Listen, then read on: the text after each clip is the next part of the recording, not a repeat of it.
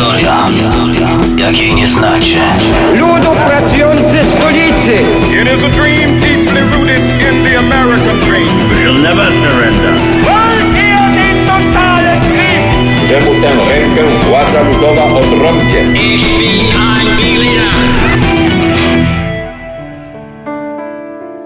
Legenda Napoleona była dla Polaków przez 100 lat niczym światełko w ciemnym tunelu okresu zaborów.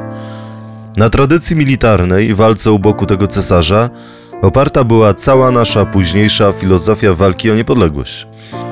Choć gdy ją odzyskaliśmy, to stało się to nie dzięki wyjątkowemu zrywowi zbrojnemu czy przychylności któregoś mocarstwa, a w wyniku bardziej szczęśliwego zbiegu geopolitycznych okoliczności konfliktu wielkich imperiów. Przesunięcia wielkich płyt tektonicznych na mapie Europy zdarzają się niezwykle rzadko i tak jak w roku 1918 dały nam niepodległość, tak mieliśmy na nią szansę już 100 lat wcześniej, na początku XIX wieku. W roku 1806 wolność dla Polaków przyszła wraz z wojskiem cesarza Francuzów. Razem z nią wyjątkowe jak na tamte lata rozwiązania ustrojowe, które stanowiły miks rewolucyjnej konstytucji francuskiej w wielu aspektach sprzecznej z tradycją trzeciomajowej ustawy rządowej. Tak przynajmniej twierdzą niektórzy historycy, a jak było naprawdę, kto był twórcą pierwszego na polskich ziemiach, a może i w Europie nowoczesnego ustroju, czy Napoleon Bonaparte z podyktowaną nam konstytucją księstwa warszawskiego, czy może car Aleksander, który kilka lat po nim przebił rzekomo liberalne rozwiązania Francuzów. O tym porozmawiamy w kolejnym odcinku naszego słuchowiska.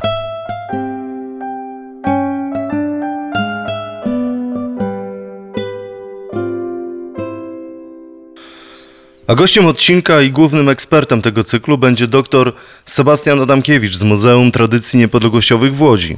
I to się bardzo dobrze składa, gdyż dziś porozmawiamy nie tylko o spełnionych na kilka lat marzeniach o niepodległości, ale o tym, jak urządzaliśmy to swoje niepodległe państwo. Panie doktorze, jak to się stało, że ten dziejowy wicher raptem kilkanaście lat po ostatnim rozbiorze zawiał tak, że aż przywiał nam wyzwolicielską francuską armię? Na przełomie XVIII i XIX wieku we Francji władzę przejął Napoleon Bonaparte. Człowiek obdarzony potężną charyzmą, ale też cieszący się bardzo dużą popularnością we francuskiej armii, a także we francuskim społeczeństwie. Człowiek, który z jednej strony do władzy dochodził e, trzymając w ręku hasła wolnościowe, trzymając e, w ręku hasła równościowe, więc nawią- nawiązujące do rewolucji francuskiej, ale był człowiekiem, który właśnie dzięki swojej charyzmie, e, dzięki swojej osobowości, przejął we Francji władzę niemal absolutną. I to był też człowiek, którego ambicje sięgały dalej. One nie miały się jedynie ograniczać do terytorium Francji, ale miał również ambicje, żeby to jest tą swoją ideę państwa, e, które zaszczepił we Francji, przenosić dalej.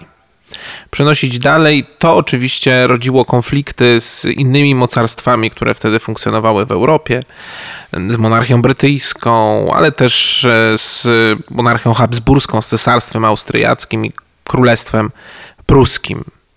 I właśnie ten konflikt z e, monarchią habsburską, czyli z cesarstwem austriackim i też e, z królestwem pruskim, czyli z naszymi zaborcami, spowodował, że Napoleonowi zaczęli ufać również Polacy. Że Polacy postrzegali w nim pewną nadzieję na to, że może on odbudować e, niepodległe państwo polskie. Że to właśnie on jest tym człowiekiem, który przywróci Polsce niepodległość. I faktycznie e, po klęsce Cesarstwa Austriackiego i także Królestwa Polskiego taka szansa się pojawiła. Pojawiła się szansa na stworzenie znowu niepodległego, niezależnego państwa polskiego, ale trzeba też pamiętać, że Napoleon Bonaparte to nie był filantrop, to nie był człowiek, który robił coś za darmo, e, tylko stała za tym idea utworzenia Europy, stworzenia Europy na modłę, którą Napoleon Bonaparte chciał e, tą Europę wykreować. Więc z jednej strony faktycznie mogła być taka nadzieja na odzyskanie niepodległości czy stworzenie niepodległego państwa polskiego, ale gdzieś z tyłu głowy e, trzeba zawsze pamiętać o tym, że Napoleon, jeśli miał stworzyć jakiekolwiek państwo polskie, to na swoją modłę i również dla swoich potrzeb, dlatego że tworzenie państw, kształtowanie się państw nie wynika jedynie z dobroduszności władców, ale także z ich interesów politycznych. A stworzenie w tej części Europy jakiegoś quasi państewka polskiego, oczywiście w interesie Francji i w interesie samego Napoleona jak najbardziej była. Przede wszystkim dlatego, żeby powstało, e, powstała jakaś forma państwowa, która będzie takim państwem buforowym pomiędzy zachodem Europy a wschodem Europy, czyli Rosją.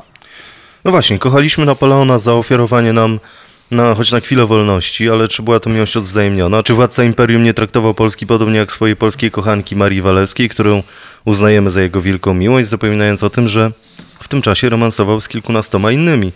I wreszcie, czy w sensie politycznym byliśmy w roku 1807 zaledwie tylko mikroprotektoratem Francji? Oczywiście w sensie politycznym myślę, że nie mogliśmy mieć nadziei na e, odzyskanie pełnej niepodległości, pełnej niezależności, ponieważ no, trzeba pamiętać, że to właśnie cesarz Francuzów urządzał wtedy Europę. On traktował się jak człowiek, który wprowadzi w Europie swój własny ład, swój własny ład polityczny i częścią tego ładu politycznego miało być również stworzenie jakiegoś państewka, które odwoływałoby się do państwowości polskiej.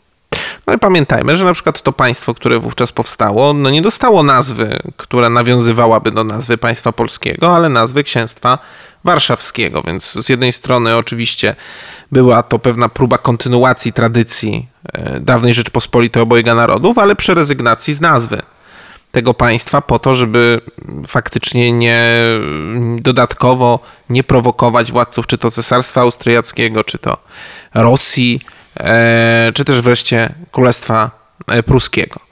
Miało być to państwo, które stworzone było jedynie w granicach fragmentarycznych, częściowych e, granicach dawnego państwa mm, polskiego, polsko-litewskiego. Oczywiście była nadzieja na późniejszą wojnę z Rosją i na poszerzenie terytorium tego państwa o tereny Litwy czy tereny położone na wschód od Bugu. Natomiast na ile były to nadzieje, na ile była to polityka, która faktycznie Napoleon miał ją przeprowadzić, no tutaj możemy już stawiać bardzo poważne pytania. Możliwe było stworzenie kolejnych niewielkich państw buforowych, też taka możliwość oczywiście była, ale na tym etapie z drugiej strony no nie było polityka, który w jasny sposób e, gdzieś dawałby nadzieję na stworzenie chociażby takiej quasi państwowości. Oczywiście była grupa skupiona wokół Adama Jerzego Czartoryskiego, która głęboko ufała, że taką postacią może być car e, Rosji. E, ale większość polskiej opinii niewątpliwie ufała Napoleonowi. Wróćmy jeszcze do wydarzeń z Drezna z roku 1807, gdy Napoleon przyjął na audiencji członków komisji rządzącej i usłyszał propozycję polskiej konstytucji, po czym zaczął ją dyktować po swojemu. Komisja rządząca to była taka instytucja złożona z kilkudziesięciu e, kilkudziesięciu osób wyznaczonych przez samego Napoleona, ale były to osoby wcześniej związane również z obozem patriotycznym w czasie uchwalania Konstytucji 3 maja, między innymi Stanisław Małachowski, ale też Stanisław Kostka-Potocki byli w tym, w tym gronie. I to była faktycznie taka komisja, która miała zarządzać terenami księstwa warszawskiego. E, została zaproszona do Drezna przez Napoleona i miała przygotowane pewne swoje rozwiązania ustrojowe. Problem polegał na tym, że wewnątrz samej komisji rządzącej istniał konflikt. Istniał poważny konflikt i spór. Część komisji rządzącej, tutaj na czele, ze, na czele przede wszystkim ze Stanisławem Małachowskim, miała taką koncepcję przywrócenia Konstytucji 3 maja. Czyli funkcjonowania tego tworzonego państwa w ramach yy, zasad Konstytucji 3 maja. Natomiast byli również działacze, którzy się temu sprzeciwiali. Tutaj taką osobą był chociażby Józef Wybicki, twórca tekstu polskiego hymnu narodowego, e, czyli Mazurka Dąbrowskiego. On był człowiekiem, który twierdził, że zapisy Konstytucji 3 maja są nazbyt anachroniczne, że już ten okres początku wieku XIX przy, przyprowadził taką zmianę społeczną, doprowadził do takiej zmiany społecznej, że te reformy muszą iść znacznie głębiej i należy spisać pewne tezy konstytucyjne, które będą zrywały z tradycją Konstytucji 3 maja, a będą tworzyły nowoczesne państwo. I prawdopodobnie przez pewien czas Napoleon mógł nawet y, troszkę tej kłótni słyszeć pomiędzy mm, polską delegacją, albo przynajmniej było nieinformowany.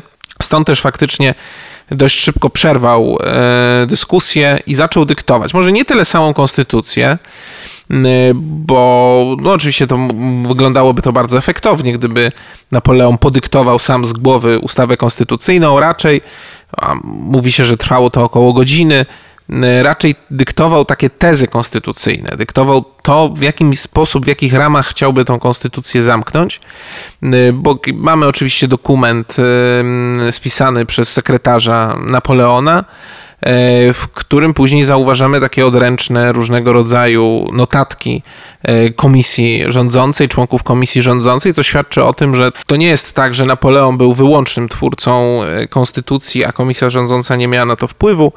Znamy dokumenty spisane przez sekretarza Marata, które później mają adnotację E, członków polskiej komisji rządzącej, czyli miała ona pewien wpływ. W ostatecznej redakcji e, wiele z tych uwag zostało uwzględnionych, także myślę, że Napoleon był przede wszystkim twórcą pewnej koncepcji konstytucyjnej. Koncepcji w wielu wymiarach bardzo słusznej i nowoczesnej. Natomiast gdzieś treścią wypełniali ją również członkowie komisji rządzącej. Była to taka wspólna, wspólna praca, a to, że ona powstawała szybko i Napoleonowi też się śpieszyło, no wynikało przede wszystkim z tego, że sam chciał swoją osobę z tej części Europy już wycofać i wrócić do, wrócić do Francji, więc stąd też ten pośpiech przy tworzeniu aktu konstytucyjnego dla księstwa warszawskiego.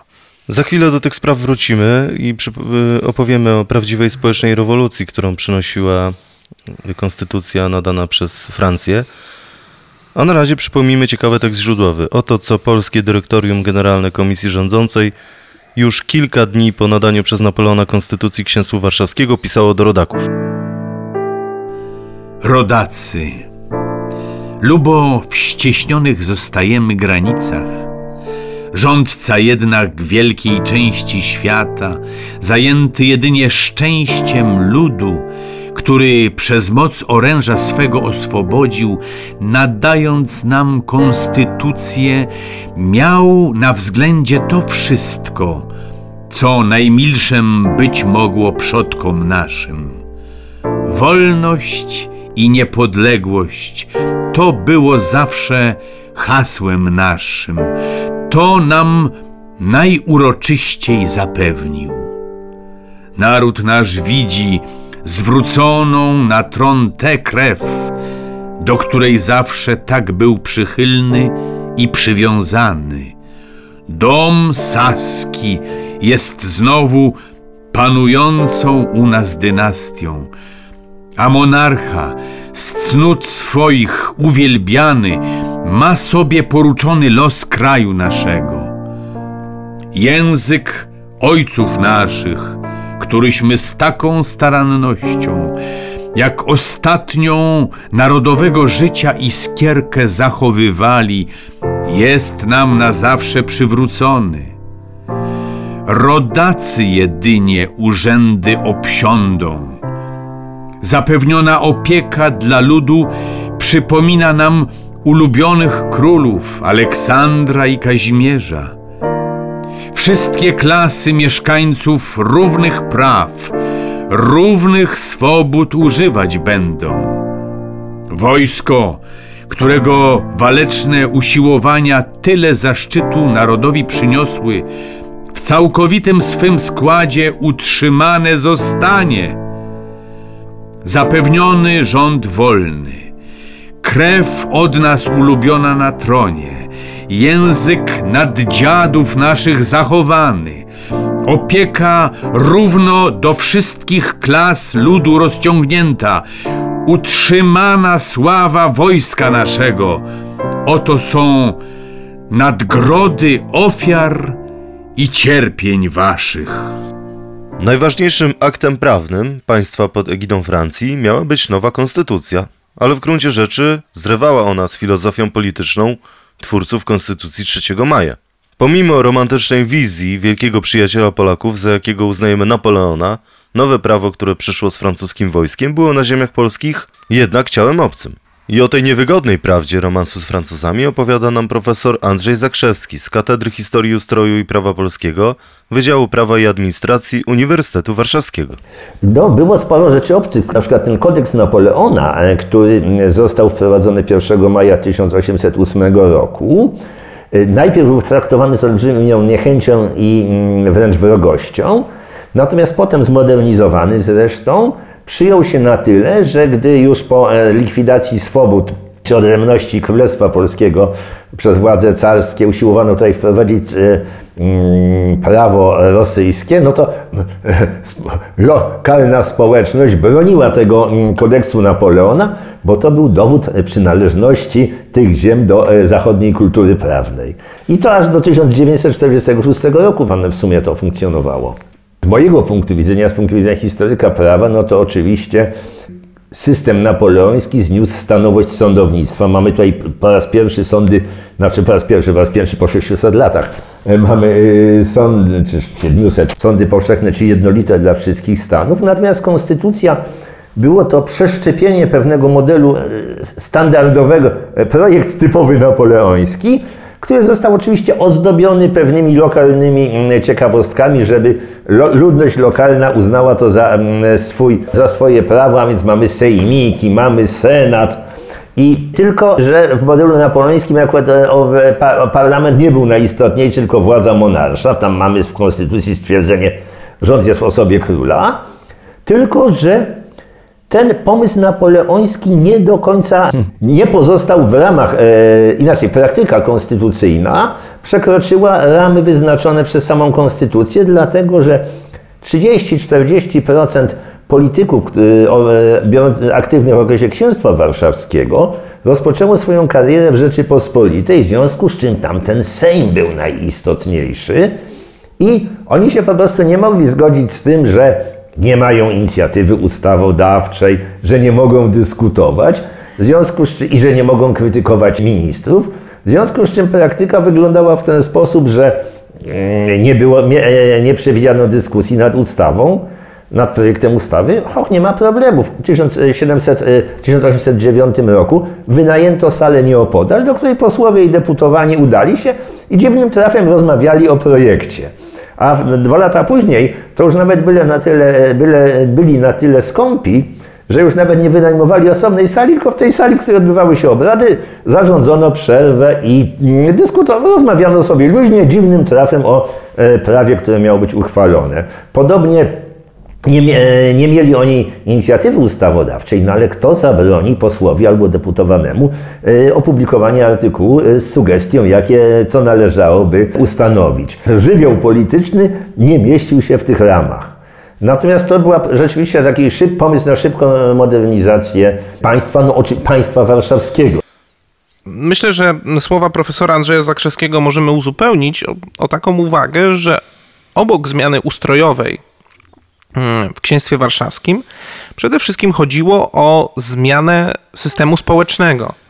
Ideą rewolucji francuskiej była zmiana systemu społecznego i to była ta cząstka, która mm, w idei napoleońskiej, przenoszenia idei napoleońskiej do różnych części ówczesnej Europy była dominująca. Mm, Po pierwsze, to był prymat państwa. E, Państwo jako jednostka, która e, odpowiada za organizację życia. E, Odpowiada za to, że odpowiada za to, w jaki sposób życie wygląda, e, czyli umniejszenie różnego rodzaju struktur kościelnych, struktur religijnych. To państwo jest takim organizatorem życia społecznego. Ponieważ państwo jest organizatorem życia społecznego, mm, to oczywiście musimy zrezygnować ze wszelkich przywilejów stanowych. E, I faktycznie kodeks Napoleona, mm, czy w ogóle te prawa, które przyszły wraz z Napoleonem, zaczęły powoli znosić różnego rodzaju instytucje stanowe na rzecz instytucji państwowych.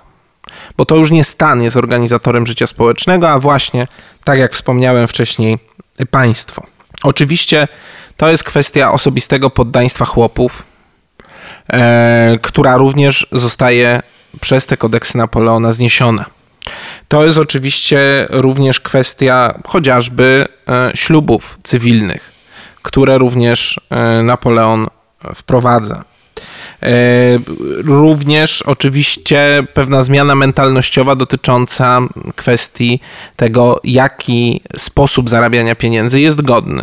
Szlachta uważała, że takim godnym sposobem na zarabianie pieniędzy jest oczywiście handel płodami ziemi w ten sposób pozyskiwanie pieniędzy. Natomiast e, z kolei wszystkie kodeksy prawa, które były tutaj e, przez Napoleona sprowadzone, one z kolei podkreślały jakby znaczenie kupiectwa, znaczenie tej warstwy e, miejskiej w życiu społecznym. Oczywiście to jest Napoleon i jego kodeksy i prawa, które tutaj sprowadził. To jest również stworzenia, próba stworzenia tak zwanej nowej elity. Bardzo często nowa władza ma chęć stworzenia pewnej elity. W przypadku Napoleona to jest chęć stworzenia nowej elity urzędniczej, która rekrutowałaby się spośród ludzi, którzy dotychczas nie mieli takiej swojej siły politycznej, nie mieli siły e, wpływu. E, i mają, a mają takie ambicje. Mają takie ambicje. Można było karierę robić chociażby przez wojsko, ale również przez pełnienie różnego rodzaju mniejszych urzędów i awanse na tych urzędach. Awanse nieuzależnione już od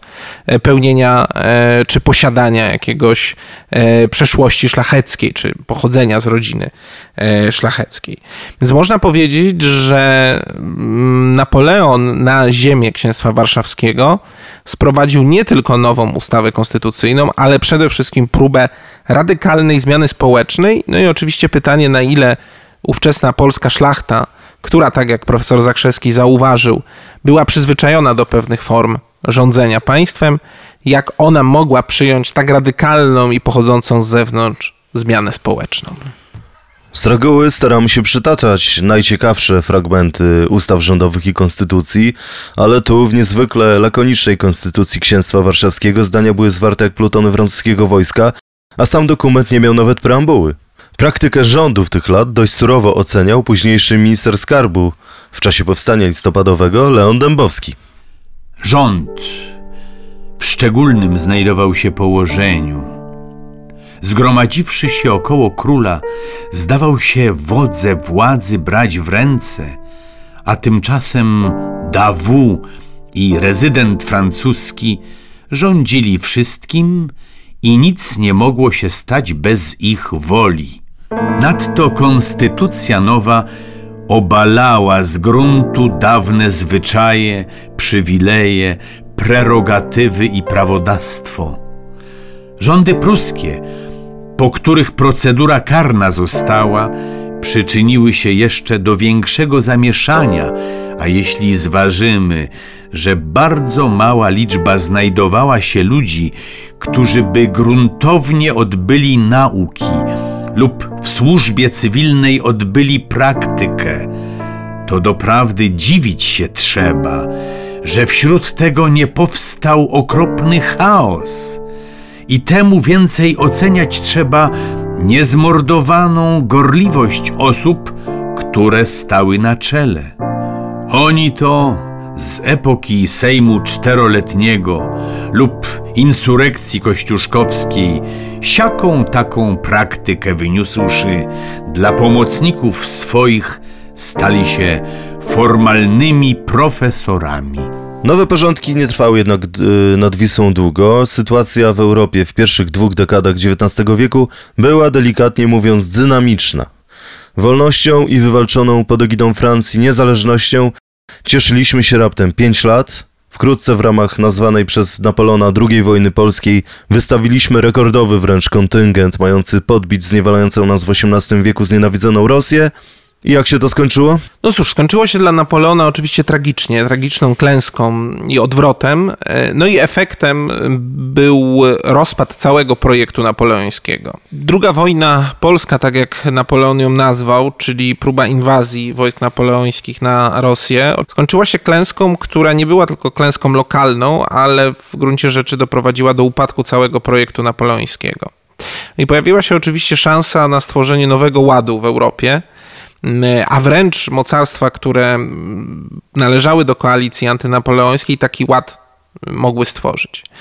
Dla księstwa warszawskiego mogło to oznaczać całkowitą jego likwidację i przywrócenie granic przed epoki napoleońskiej, ale e, myślę, że wtedy mieliśmy dużo szczęścia, dlatego że współpracownikiem cara Rosji Aleksandra I był Adam Jerzy Czartoryski. E, Adam Jerzy Czartoryski, potomek wielkiej rodziny e, Czartoryskich, chociaż historycy podejrzewają, że mógł być on również synem ambasadora Rosji Repnina. Są obrazy, które wskazują na to, że między panami było ogromne podobieństwo. A jak wiadomo, e, sam Repnin miał romans z matką Adama Jerzego Czartoryskiego, czyli Izabelą z Flemingów Czartoryską. Więc tutaj faktycznie mógł być tak naprawdę synem Repnina, e, który został usynowiony przez Adama Kazimierza Czartoryskiego. E, w każdym razie to był człowiek od początku związany z obozem e, Aleksandra I i z obozem cara Rosji. Pisał traktaty na temat tego, że tak naprawdę Polacy mogą odzyskać jedynie niepodległość, będąc, współpracując z Aleksandrem. Nie wierzył Napoleonowi wierzył Aleksandrowi. To oczywiście też nawiązywało do pewnej linii politycznej, którą czartoryscy e, mieli. E, I to być może właśnie on miał ogromny wpływ na to, że w 1815 roku, kiedy powstawał nowy ład w Europie, a powstawał on we Wiedniu, postanowiono oczywiście okroić e, księstwo warszawskie, odbierając chociażby całą Wielkopolskę i włączając do Królestwa Pruskiego. E, ale z części terytoriów dawnego Księstwa Warszawskiego powróciło tak zwane Królestwo Polskie, zwane też Królestwem Kongresowym. Królestwo Polskie to jest zresztą rzecz ciekawa, ponieważ przywracano nazwę Polska, co zresztą podkreślił Tadeusz Kościuszko w swoim liście do Adama Jerzego Czartoryskiego. W liście, w którym z jednej strony wyrażał entuzjazm z tego, że to imię zostało przewrócone, ale z drugiej strony napominał również e, Adama Jerzego, żeby niezbyt ufał Aleksandrowi. E, wspominał o tym, że może on się stać satrapą i niestety część z tych przewidywań Tadeusza Kościuszki e, się sprawdziła, bo sytuacja w Królestwie Polskim no nie była sielankowa, pomimo wielkich chęci i wielkich nadziei związanych z tym, że Aleksander I będzie chciał tą niepodległość albo częściową niezależność państwa polsko-litewskiego przywrócić.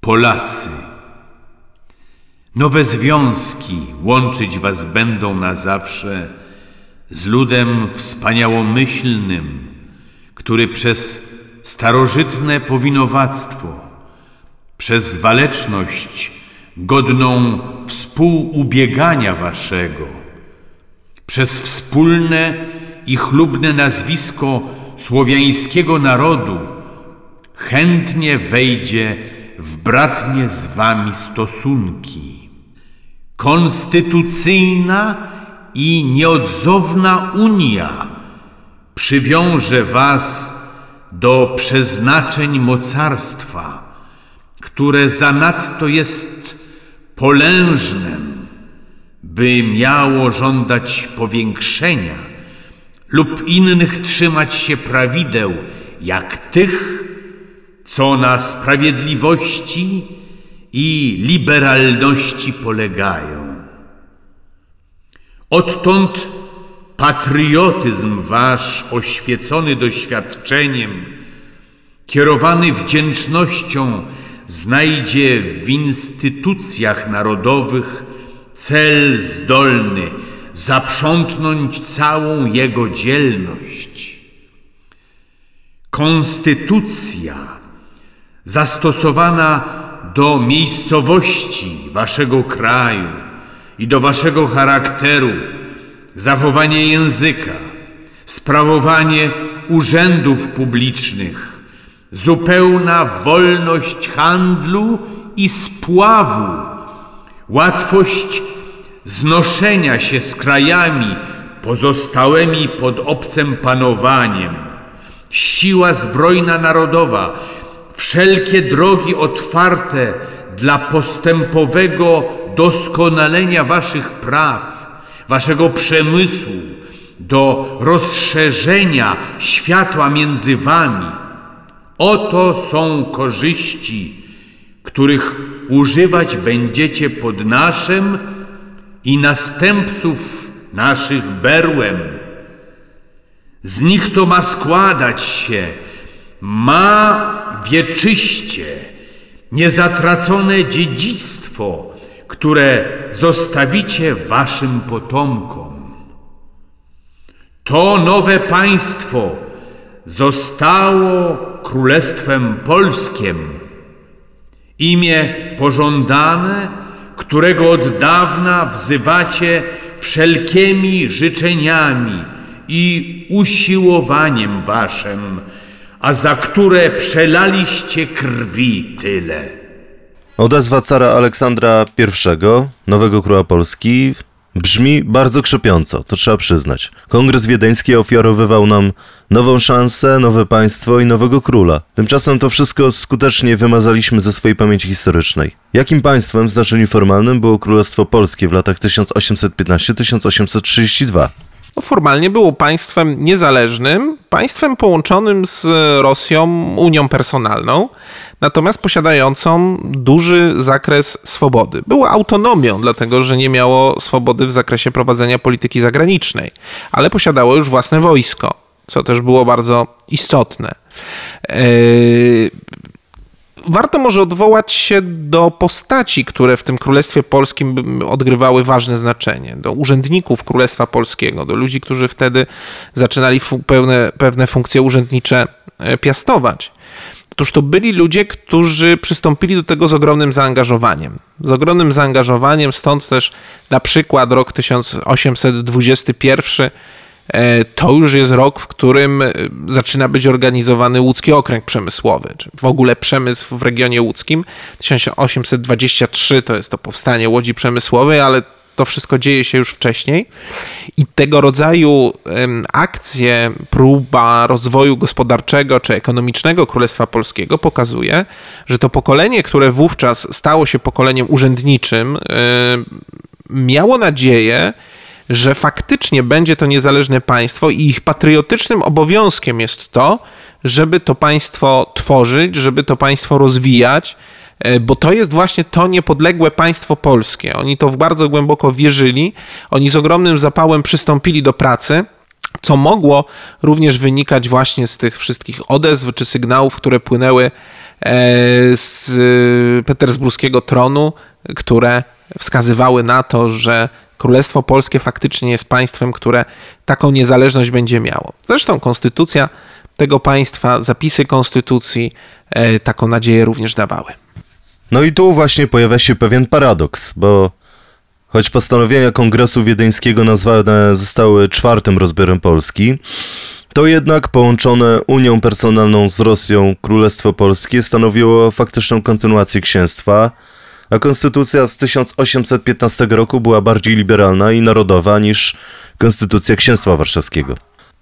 I o ten ustrojowy aspekt lat tuż przed wybuchem powstania listopadowego pytamy profesora Andrzeja Zakrzewskiego. Pierwotne projekty Konstytucji Królestwa nawiązywały do Konstytucji Majowych, potem to zostało e, właściwie e, zminimalizowane. Natomiast one nawiązywały też do praktyki konstytucyjnej Księstwa Warszawskiego, gdzie okazało się, że posłów i deputowanych nie można zakneblować, że przydałaby się jakaś inicjatywa ustawodawcza. I to, co jest y, dość ciekawe, y, zresztą również i w Konstytucji Księstwa Warszawskiego, mianowicie rozszerzenie mm, prawa, e, praw politycznych nie szlachty, ale, pod, ale posiadaczy, czyli e, chłopi i mieszczanie posiadacze uzyskali prawa polityczne, mogli wybierać w zgromadzeniach e, gminnych deputowanych, czy to i do Izby Poselskiej e, w Księstwie Warszawskim i w i w Królestwie Polskim. Konstytucja Królestwa była efektem również pewnych demokratycznych złudzeń Aleksandra, bo proszę pamiętać, że za młodu Aleksander, podobnie jak i nie najlepiej wspominany u nas Nowosilcow, to byli liberałowie, prawda? I to miał być taki liberalny eksperyment na państewku przyłączonym czy połączonym osobą wspólnego monarchy i polityką zagraniczną e, z wielkim bynajmniej nieliberalnym cesarstwem rosyjskim. Także to był liberalny eksperyment, który no, zaczął e, szokować e, najmiłościwszego monarchę, dlatego że gdy posłowie zaczęli krytykować ministrów, no to e, najmiłościwszy monarcha odpowiedział, że konstytucja nie upoważnia Izby do strofowania postępków rządu. To się po prostu nie mieściło w głowie. No i stopniowo, stopniowo, że tak powiem, przestał się krępować i on, a potem Mikołaj przestał być skrępowany, czy przestał szanować przepisy konstytucji. No efekt był taki, e, że łącznie z niezadowoleniem społecznym doprowadziło to do, wiadomek, do wiadomej nocy listopadowej. I nadszedł czas na konkluzję. Nieważne, że będzie ona dość niezręczna, ale warto zapytać, czy omawiane przez nas dziś konstytucje tak naprawdę były kamieniami węgielnymi nowoczesnego społeczeństwa polskiego. Bo choć narzucane przez obce imperia, to zrywały ze stanowymi podziałami Rzeczypospolitej. No na pewno, jakbyśmy się zastanowili, to oczywiście te konstytucje e, były w porównaniu nawet chyba ze stanem mentalnym polskiego ówczesnego społeczeństwa, były pewnym postępem. Pytanie oczywiście, co by było, gdyby niepodległe państwo polskie przetrwało i jak zachowywałaby się wówczas ta grupa obywatelska, czyli grupa szlachty? Czy te reformy następowałyby później? Czy konieczne były y, pewne rozwiązania wprowadzane radykalne, radykalnie i niekoniecznie mm, za zgodą i niekoniecznie z, zgodnie z wolą e, tej warstwy obywatelskiej? Więc to jest taka pierwsza, pierwsze pytanie i pierwsza wątpliwość. Ale też pamiętajmy o nietrwałości różnego rodzaju rozwiązań. No, na przykład e, kwestia konstytucji Królestwa Polskiego, konstytucji wydawałoby się liberalnej, ale z drugiej strony jak mocno uzależnionej od sytuacji wewnętrznej w Rosji, od sytuacji na dworze rosyjskim i też woli samego cara.